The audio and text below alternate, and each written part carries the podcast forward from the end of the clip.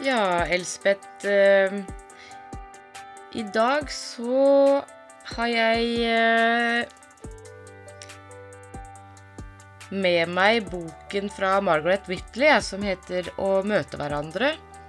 Eh, den har du faktisk delt med meg. Og temaet der er jo egentlig den gode samtalen, men det vi liksom har hengt oss opp i der, er, den, er kunsten å lytte. Eh, Så siden vi begge to har det litt eh, framme i pannebrasken om dagen, så tenkte jeg kanskje det kunne være dagens tema, ja. Eller hva syns du? Jeg syns det er veldig interessant, jeg. Eh, hvor flinke er vi til å lytte Eller flinke, det er jo det litt sånn teit uttrykk. Men hvor eh, eh, Ja. hvor gode lyttere er vi egentlig? Ja, for hva handler egentlig lytting om? Kan jo være et eh, interessant eh, eh, Eller en interessant innfallsvinkel å, å drodle litt eh, rundt, da. Kanskje? Ja. ja, det er jo det, fordi en ting er å prøve å høre etter hva den andre sier. En annen, eh, en annen ting er jo å gå aktivt inn og se hva ligger bak ordene. Å lytte Kan vi bare lytte med ørene, eller kan vi lytte med flere sanser samtidig, tror du? Ja, ja, ikke sant? Og med hvilken innstilling går vi inn for å lytte? Det er også litt interessant. Og kanskje være litt bevisst på, liksom.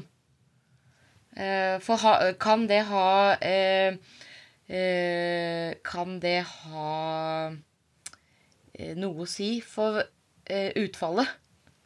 Med hvilken innstilling jeg faktisk lyttet? Hva var min hensikt var- med å lytte, liksom? Ja, det tror jeg har innmari mye å si. Fordi, og det, det er, når man først reflekterer over det, så er det faktisk ganske vanskelig å, å gå litt inn for det. fordi det vet jo du og jeg, vi avbryter hverandre og støtter stadig fordi vi blir så ivrige.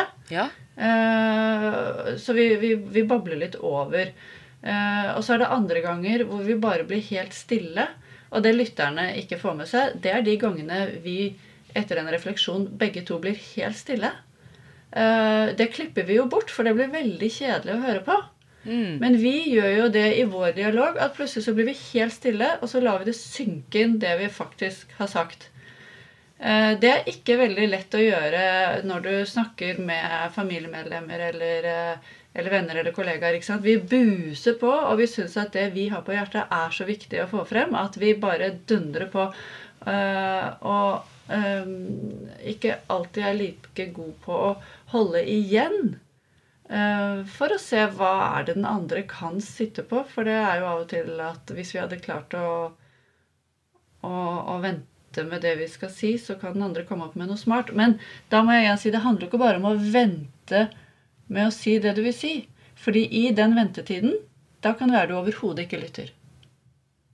Fordi du, du, du tenker liksom at å, jeg må vente, jeg må ikke avbryte, jeg skal holde tilbake. Og i mellomtiden så får du faktisk ikke alltid med deg hva den andre prøver å dele med deg. Nei. Nei, det er, Der skjer det mye spennende. Ja, det skjer, det skjer masse der. Og så Og- mens du sier det du sier nå, så får jeg eh, lyst til å liksom til, tilføye det, det med at liksom Kan det tenkes det at vi er ekstremt løsningsorientert? At det er en del av det eh, bildet som du beskrev med at eh, vi er så opptatt av å på en måte bidra i samtalen, slik at eh, pauser og på en måte lyttedelen den blir underordnet, da. Fordi vi er eh, opptatt av å komme frem til en løsning alltid. Vi skal alltid løse noe. Det er litt interessant. I den boken så var det, var det også noe om det der med verdien av eh, dialog i, i jobbsammenheng, også i møtevirksomhet. Verdien av å ikke alltid skulle komme til en konklusjon. Ja. Eh, Det lå veldig mye verdi i å ha et møte, ha en samtale, og så la det henge til neste møte. Fordi mellom, i fasen mellom de to der, så er det veldig mye alle kollegaer kan bearbeide Eh, og sånn at den løsningen du kanskje kan komme frem med i et møte senere, er veldig mye mer bærekraftig enn den ville vært hvis du skulle banke i mål en, en konklusjon i det første møtet. Og det, der følte jeg meg veldig truffet, for jeg, jeg liker best å gå ut fra et møte med en klar agenda. Ja, for hva skal jeg Altså, Én ting er å ha en agenda når du går inn i møtet, men så liker jeg ofte å gå ut av et møte med en klar oppfatning av hva jeg skal gjøre, hva kollegaene skal gjøre, og hvordan tar vi dette videre. Det tror jeg er ganske vanlig. Mm, ja, det tror jeg også. Eh, og kjenner også at det kan være ganske lett å argumentere for å holde på sånn. Eh, for hvordan skal vi ellers få fremdrift, liksom? Skal vi bare liksom bli en gjeng som sitter og eh, liksom alltid skal eh, vente til vi har absorbert alt? det kan ta litt tid, ja. Det er jo ikke alltid man føler man har den tiden. Så, ja, altså, men, men, alt til sitt bruk, liksom. Det kommer liksom litt an på Skal det være kjappe prosesser, eller skal det være noe man kan bruke lengre, lengre tid på? Ja, og jeg, tror, og jeg tror allikevel at eh, vi kan være bevisst på vår egen lytting i alle disse settingene. Men kanskje på litt eh, forskjellige måter, da. for jeg tror lytting er heller ikke bare uh, liksom én ting. Det er ikke bare én måte å lytte på. Jeg tror man kan lytte på flere, på flere måter. På flere konstruktive måter. Og så kan ja, vi lytte på du... lite konstruktive måter, da. Ja. Kanskje... Nå ble jeg litt nysgjerrig. Ja. Kan du utdype, utdype, det litt? Ja, for da er vi kanskje litt tilbake til hva er hensikten med eh, å lytte. Eh, for er det slik at vi mens den andre prater, er mest opptatt av eh, hva jeg mener, og hva jeg på en måte skal, skal svare på det, og ikke legge merke til nyansene eh, og, og, tar høyde for at jeg muligens ikke forstår uh, budskapet den andre har, eh, sånn med en gang, da. Men jeg, jeg, bare, jeg bare støtter meg på mine egne antakelser og bare buser videre fordi at min egen agenda eller mitt eget budskap er større i meg enn min eh, liksom, innstilling til å ta imot eh, det den andre egentlig sier, da. Ja, da får jeg litt sånn eh, tanker om hvordan vi, når vi går inn i en dialog med en person, veldig lett har for å være farvet av unnskyld, antakelser vi gjør oss på forhånd. Vi har ofte gjort oss opp en mening enten om personen eller om saken Eh, sånn at vi stiller sjelden egentlig med et veldig åpent sinn, tror jeg. Ja, det, det er litt det jeg tenker òg. Ja. Uh, ja, altså hvis vi liksom går inn i en samtale, og det, det gjelder nesten på alle arenaer, så har vi liksom uh, på forhånd uh, konkludert med at vi har noe vi vil bidra med, da. Uh, og da blir vi veldig opptatt av det. Ja. Og det er jo ikke så rart. Det er ikke så rart i det hele tatt. Jeg har veldig lyst til å dele noe jeg opplevde uh, nylig. Uh, det var uh, Det jeg opplever som taus lytting, eller hva jeg skal kalle det. Det var en, en online-sesjon hvor vi hadde delinger.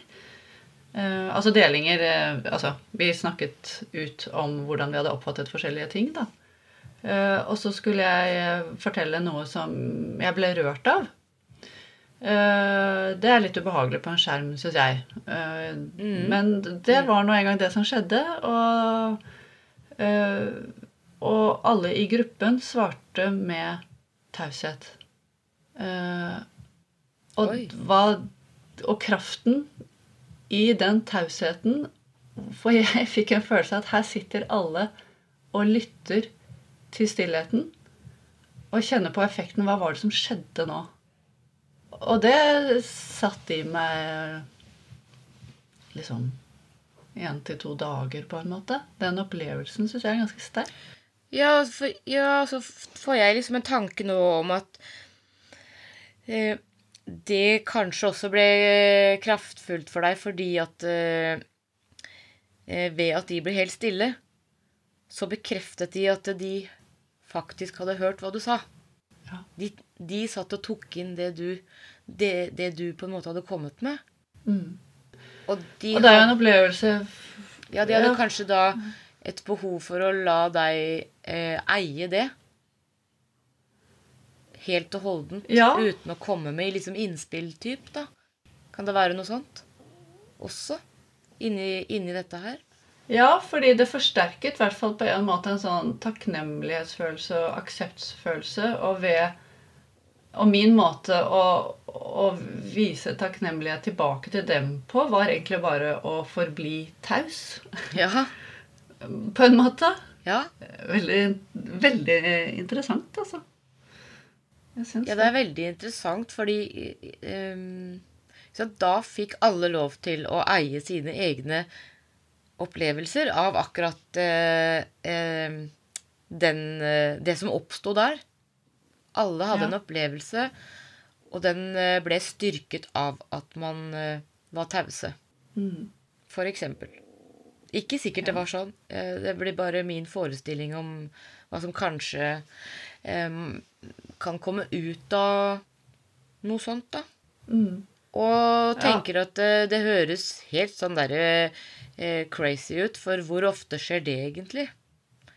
Um, er det noe vi vanligvis eh, eh, liksom til, tillater, eller blir vi nesten litt urolige hvis det blir helt taust? Ja, det, ja, det er veldig morsomt. da. Hvis, hvis man har vært i en, eh, en eller annen setting eh, Nå er det jo mange av oss hvor det har vært ganske lenge siden vi har vært i en setting hvor det har blitt holdt eh, taler. Ja. det er litt sånn savnet eh, opplegg. ikke sant? Det kan jo også oppstå etter at noen har holdt en tale og sagt noe veldig veldig fint. Uh, så er det også veldig sånn, spennende å se hvordan folk reagerer på det. Hvordan noen bare sitter helt rolig og tar inn det som ble sagt, mens for andre blir, blir fort litt stresset og begynner å snakke med sidemannen. ikke sant? For den stillheten ble eh, Det ble liksom litt sånn svett. Ja. Uh, og det er kanskje en person som på en måte ikke uh, har det, har det, har det forholdet til uh, å lytte og ta inn Nei, men vi skal jo ikke da under, underslå det faktum at eh, Nå er vi jo kanskje mer inne på, ta, eh, på tause På tause eh, Eller på taushet, da. Det vekker jo ting i folk. Mm. Så det da å ikke på en måte tillate tause eh, perioder kan handle om at man ikke tillater seg selv å føle på de følelsene som kanskje kan komme i den tausheten. Mm. Det tenker jeg da. Ja. ja. Er du på litt sånn indre uro igjen, eller? Ja, da er jeg litt inne på indre uro igjen. Ja. Eh, mens, mens lytting kan jo for all del handle om det samme. Mm. Eh, fordi at Det kanskje jeg, kanskje lytting eh, kan kobles veldig tett sammen med taushet.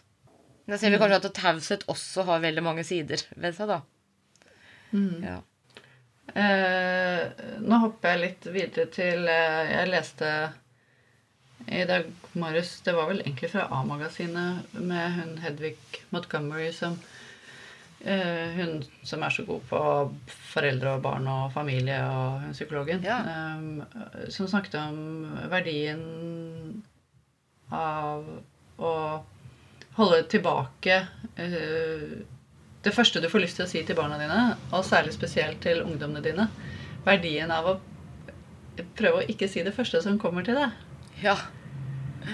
Eh, og den har jeg absolutt kjent veldig på selv, og jeg jobber med saken. Um, for så utrolig lett det er når disse unge, fine menneskene kommer med refleksjoner som du selv pga. et lengre liv eh, eh, har et annet syn på, og hvor det er så lett å bare buse ut med det du selv tenker, istedenfor å bare holde kjeft. vær stille. La de komme. La de få lov til å erfare og tenke og reflektere. For det er jo så viktig at de får lov til å si tankene høyt. For vi vet jo selv at det vi sier høyt Når vi, når vi lytter til oss selv med det vi sier høyt, så plutselig så, å, så ser vi litt lyset. ikke sant? Mm. For én ting er hva du går med inni ditt eget hode, men når du hører din egen stemme formulere noe, så, så ser du ting klarere. Og da hvis vi skal bli sånne foreldre hvor barna kommer og de sier noe, og vi bare hamrer på med at, hvordan vi ser ting annerledes, eller sånn type ting, hvor destruktivt det er, Mm. Og hvor sure vi selv kan bli hvis vi, hvis vi går til eh, noen som bare gjør det samme med oss som voksne, da kjenner jeg på barnet i meg. Altså, og bare Gud, så barnslig jeg reagerte på det der. Kan ikke jeg bare få lov til å snakke litt høyt, da, uten at den andre skal mene så mye om dette her? Og der tenker jeg også på det Én ting jeg har holdt tilbake, men også prøve å sette seg tilbake og lytte til hva disse unge menneskene kommer med. Ja, men Det er jo så godt eksempel, for det eh, Jeg kjenner meg veldig godt igjen i det du sier òg, fordi eh, liksom er det, er det i en setting hvor det kan være helt garantert at det skjer, så er det eh, Når jeg på en måte snakker med, med, med yngre folk, da eh, Da blir det i meg vekket som muligens da er sant, mitt ønske om å dele min eh, livserfaring, da. Hvis vi, kan, ja, vi kan egentlig kalle det for det, fordi eh, da mener jeg at jeg har erf erfaring som tilsier at jeg kan liksom korrigere dem. Og så blir jeg helt opphengt i å, å skulle formidle det, og så glemmer jeg jo da fullstendig nettopp det du sier, ikke sant? Og ivareta dems behov for å dele eh, sin, eh, sin utforskertrang, egentlig, da. Sin, eh, Sitt behov for å finne ut av verden. Og jeg glemmer det at eh, det mennesket ikke er meg, og kommer til å oppleve verden på en annen måte, og kommer til å gjøre seg andre eh, erfaringer og konklusjoner enn meg. Alt det glemmer jeg. Jeg blir helt opphengt i eh, at jeg nå kanskje liksom har en, eh, har en rolle som en som skal påføre livserfaring. Jeg tenker det. Jeg tenker det er det som skjer. Og det skjer ikke bare i den settingen, det skjer hele tiden. Så fort noe i meg liksom vekkes at ah, men dette her, dette har jeg vært borti før. Eh, jeg vil dele det. Så blir det så mye sterkere enn alt annet. Så hø hører jeg. For hva var det egentlig den andre forsøkte å si? Kanskje Og dette, tar, ja, og det tar av og til Der føler jeg meg utrolig treig, for da er det alltid sånn noen timer etterpå. Da er det sånn Å ja, det var det hun sa. Men hvis jeg da går tilbake og bare Du, nå skjønte jeg hva du mente. Da er jo den andre personen et helt annet sted. ikke sant? Jeg er ikke interessert lenger i det hele tatt. Det toget gikk for flere timer siden. Ja. Men jeg får også lyst til å si at dette føler jeg jo oppstår øh, veldig ofte også når man øh, møter mennesker som for første gang går gjennom noe Altså folk på din egen alder, da. øh, For første gang går gjennom noe du selv har gått gjennom. Mm. Da er det også veldig lett å skulle øh, si hvordan du selv opplevde det, hvordan var det for deg. Og det trenger ikke å være av interesse for den andre personen i det hele tatt. Nei? Fordi de, der igjen er det noe med det at vet du hva, nå, for, nå er det jo noe med å la de gå gjennom det de går igjennom med sine forutsetninger og med sitt utgangspunkt, og erfare dette på sin måte. Ja. Enten de opplever sykdom i nær familie, eller de er syke selv, eller det er samlivsbrudd, eller det er tap av en jobb, eller øh, noe sånt noe. Ikke sant? Det er jo Vi er jo forskjellige alle sammen, og, og det er jo veldig, veldig fint å få lov til å kunne erfare det selv, men at vi som medmennesker kan gjøre det at vi bare står ved siden av hverandre. Ikke at vi skal dra hverandre eller dytte hverandre, men kan gå ved siden av hverandre i den settingen. Det er litt en kunst, egentlig. altså.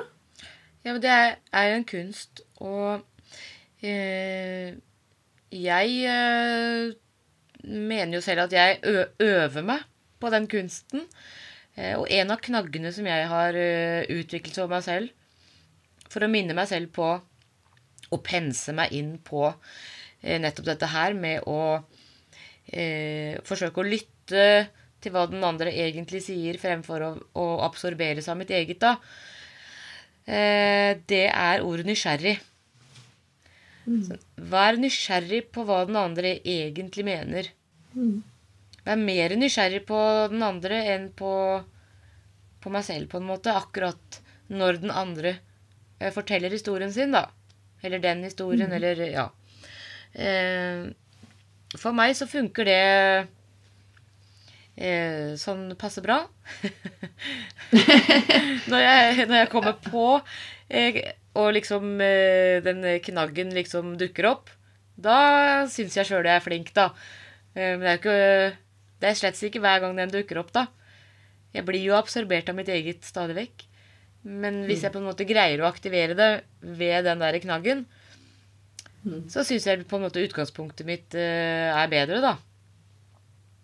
Fordi da evner jeg på en måte å sette meg selv litt til side, hvis at jeg innstiller meg på nå å være nysgjerrig på den andre. Da blir det Da fylles det Da fylles den andre mer i meg enn mitt eget, da. På en måte. Hvis det gir noe mening. Ja. Absolutt. Eh, det gjør det jo. Og så eh, Ja, og det innebærer jo ikke sant? Hvis jeg da er nysgjerrig, så innebærer det jo at da tenker, For da tenker jeg at lyttingen min innebærer at jeg stiller spørsmål som får meg til å forstå det ordentlig. Jeg ikke bare antar at jeg forstår, men jeg stiller faktisk spørsmål som bekrefter eller avklarer at jeg forstår. Fordi jeg er nysgjerrig på om jeg har forstått. Nemlig. Så når du sier at du, du øver, føler du da at du ja, Du øver at du får noe igjen for det? Sånn som at hvis du har dårlig kondis og begynner å dra på små joggeturer, så får du bedre kondis? Får du litt den der samme følelsen at når du øver, så genererer det at du blir flinkere og flinkere? Du Ja. Flinkere? Det er så teit uttrykk, men jeg finner ikke noe annet. Nei, jeg vil Jeg har jo, men jo, men jeg har jo bestemt meg for at jeg ønsker å eh, ha det elementet sterkere til stede i mitt liv, da, kan du si. Jeg ønsker å benytte meg av lytting i større grad. Så, jeg, eh, så, det kan, så vi kan jo si det på den måten isteden. Og ja, det syns jeg. Eh, For hver gang jeg evner å på en måte bli meg det bevisst at det, er no, det driver jeg med nå, så syns jeg det tar kortere og kortere tid mellom hver gang jeg, jeg gjør det bevisst. Og, må, og målet mitt er jo at jeg skal gjøre det uten at jeg tenker over det. Det er egentlig målet mitt. Jeg ønsker at det skal bli en sånn automatisk del av meg. Faktisk. Ja, for, Er det da sånn fordi du føler at du får så mye igjen for det? Du føler det, Jo mer du klarer å lytte, jo rikere føler du det? Ja, At det beriker deg? Du får noe igjen for det det? beriker meg masse, fordi da Da, da, Jeg synes jo at mine menneskemøter eh, blir eh, mer ekte, mer sanne. Gir mer, mye mer mening for meg, da. Jeg føler liksom da utgangspunktet for vårt eh, eh, forhold eh, havner på et litt dypere sted. Mm. For det er også slik at når jeg eh, gir eh, min tid eh, til den andre, og går inn for å forstå den andre, så får jeg veldig ofte det samme tilbake. Så jeg har en sånn boomerang, boomerang-effekt, da. Det er ikke bare jeg som sitter der og, og lytter til den andre da. Fordi når, jeg, når den andre på en måte får, får, eh, får det rommet den trenger, så får den andre også eh, muligheten til å gi meg det rommet, eller får lyst til å gi meg det rommet, tror jeg. Da får begge to liksom dekket eh, de behovene vi har for å bli lyttet til, da. Ja. Og i den forbindelse var det noe veldig fint som ble sagt på det opplegget jeg var i helgen. For det var en som sa når jeg kan bli lyttet Når andre lytter til meg, så jeg får plutselig en følelse av å liksom ha et publikum. Ja. Uh, og det var litt sånn godt sagt, egentlig. For så tenker jeg at ja, av og til så er det innmari godt å ha et publikum. At det er en som gidder å sitte og høre på deg og gir deg av sin tid. Eh, og det, det trenger vi, og der eh, innimellom så kan jeg godt tenke meg at eh, noen kan ha en stor utfordring i å be om uh, den oppmerksomheten. For det, det Vi blir jo liksom veldig redde for å ta for stor plass Vi kan bli det, når vi ja. snakker. Vi kan bli det. Eh, Så dette er så spennende mellom mennesker. Hvor mye plass eh, kan jeg ta? Og hvor den andre Hvor mye plass vil jeg gi? Det er en sånn spennende dynamikk mellom, mellom mennesker i menneskemøter. Det er en det er spennende dynamikk, og så er det jo også sant, det, det motsatte er jo når man opplever at man, eh, man prater og egentlig ikke blir lyttet til. De følelsene det vekker i oss også, eh, er liksom så Skikkelig sånn eh, avvisning. Ja, du føler deg avvist og liksom Ja. Mm. Så mye liksom betydde det at jeg faktisk eh, liksom gadd å, å uttale meg. Det var det ingen som brydde seg om, liksom. Det var kult. Nei. Ikke særlig kult. Nei. Eh, det, er så, det, er, det er liksom Ja, det er det, mm, det er så mange følelsesmessige reaksjoner som foregår i akkurat uh, ja, en samtale, da. Som faktisk handler om lytting. Ja, gud, ja. Og med kroppsspråk og I sted så skulle jeg eh, Så eh, Åh, nå kom jeg til det jeg skulle si 'min mann'. Og det liker ikke jeg å si. For meg er det sånn veldig gammelt. Men han jeg bor med, eller han jeg er gift med, eller hva jeg, hva jeg skal si. Hvis jeg liksom ikke skal si fornavnet og sånn. Nei, men i hvert fall han, han sa noe, og så skulle jeg svare. Og rett før jeg fikk svart, så ble døren lukket. For han, vi sto sånn at han kunne ikke se meg, da. For da var han liksom ferdig med det han skulle si, og så bare lukta han døren. For da, da var han ferdig med det han skulle si, liksom. Og der sto jeg og snakket til meg selv. Og da følte jeg bare ja, dette var skikkelig bra. men da var ikke det så veldig farlig tema, da. Så det, så, så det gjorde ikke så mye, da. Men, men nettopp det der å bli lyttet til, hvordan man kan vise det med kroppsspråk og hva du holder på med samtidig og sånn. Fordi det er jo så innmari lett av og til eh, man skal være så effektiv og holde på noe Der er jeg fæl, altså. Jeg kan holde på med noe liksom for å utnytte tiden litt eller noe sånt nå, mens den andre snakker. Men, det, men samtidig, det trenger ikke bare være gærent, fordi av og til kan det være lettere for en å åpne seg når man ikke har øynene til den andre rett på seg. Ja. Da jeg var ungdom, jeg likte, Hvis jeg hadde behov for å lette på trykket, så likte jeg best å si det til moren min mens hun sto og strøk. Ja. Det, ja, det var mye lettere å, å snakke da, for jeg, da, da følte jeg meg fri. For da sto hun liksom opptatt med sitt og så øynene der, men samtidig så, så var ørene festet på meg og sånn. Og det, så det er ikke bare dumt å være opptatt med noe hvis noen skal si noe. Nei, det er ikke sikkert det alltid er feil, nei. Nei. Det, det er helt sikkert. Og så Ja, og nå er vi jo litt inne på kanskje noen litt andre aspekter, da. For det? Vi bruker jo ikke bare ørene til å lytte. Og det er jo kanskje litt det vi er inne på nå da. At eh, vi også må bruke øynene for å lytte. Mm, men ikke sant? Eh, ikke nødvendigvis. Eh, fordi vi, er, vi har også en sånn evne til å, å oppfatte stemninger.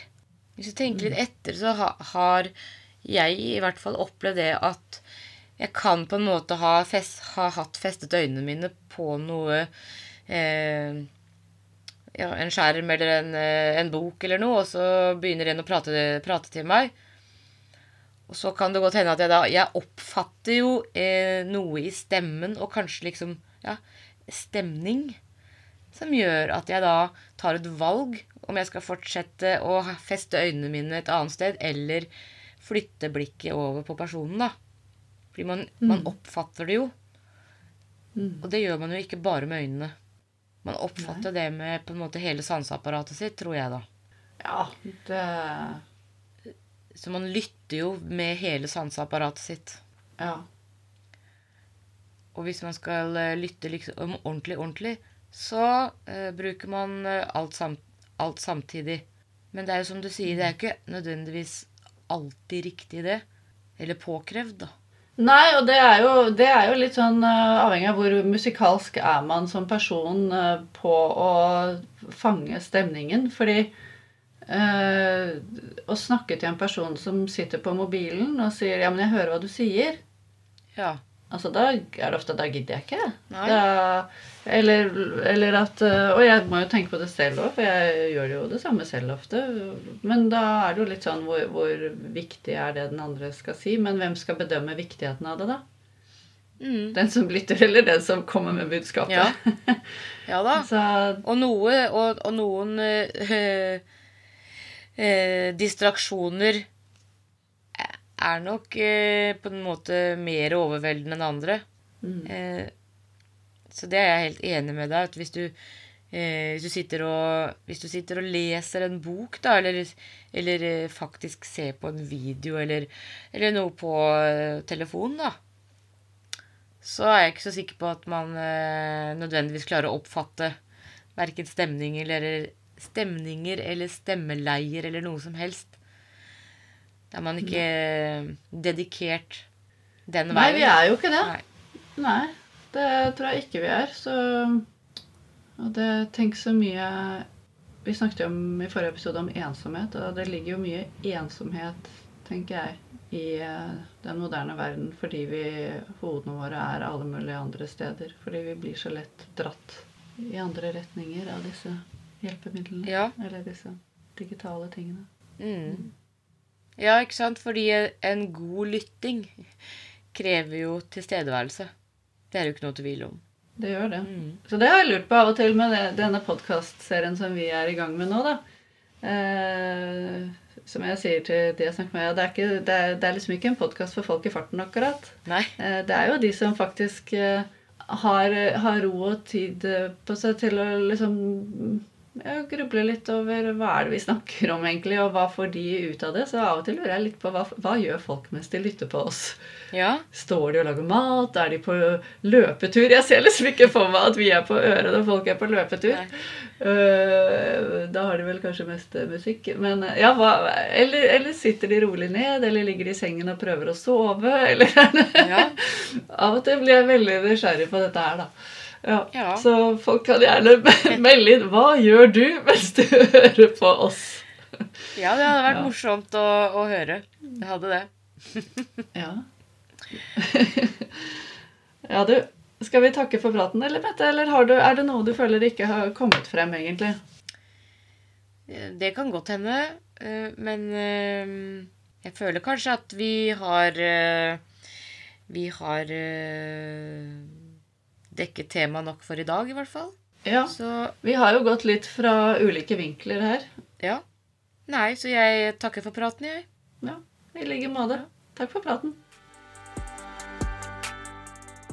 Vi tar gjerne imot innspill, og de kan du sende til mette.gravdal at gmail.com eller elsmon at online.no.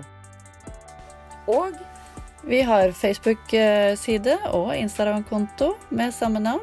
Takk for praten. Veldig gøy om du har lyst til å følge oss der.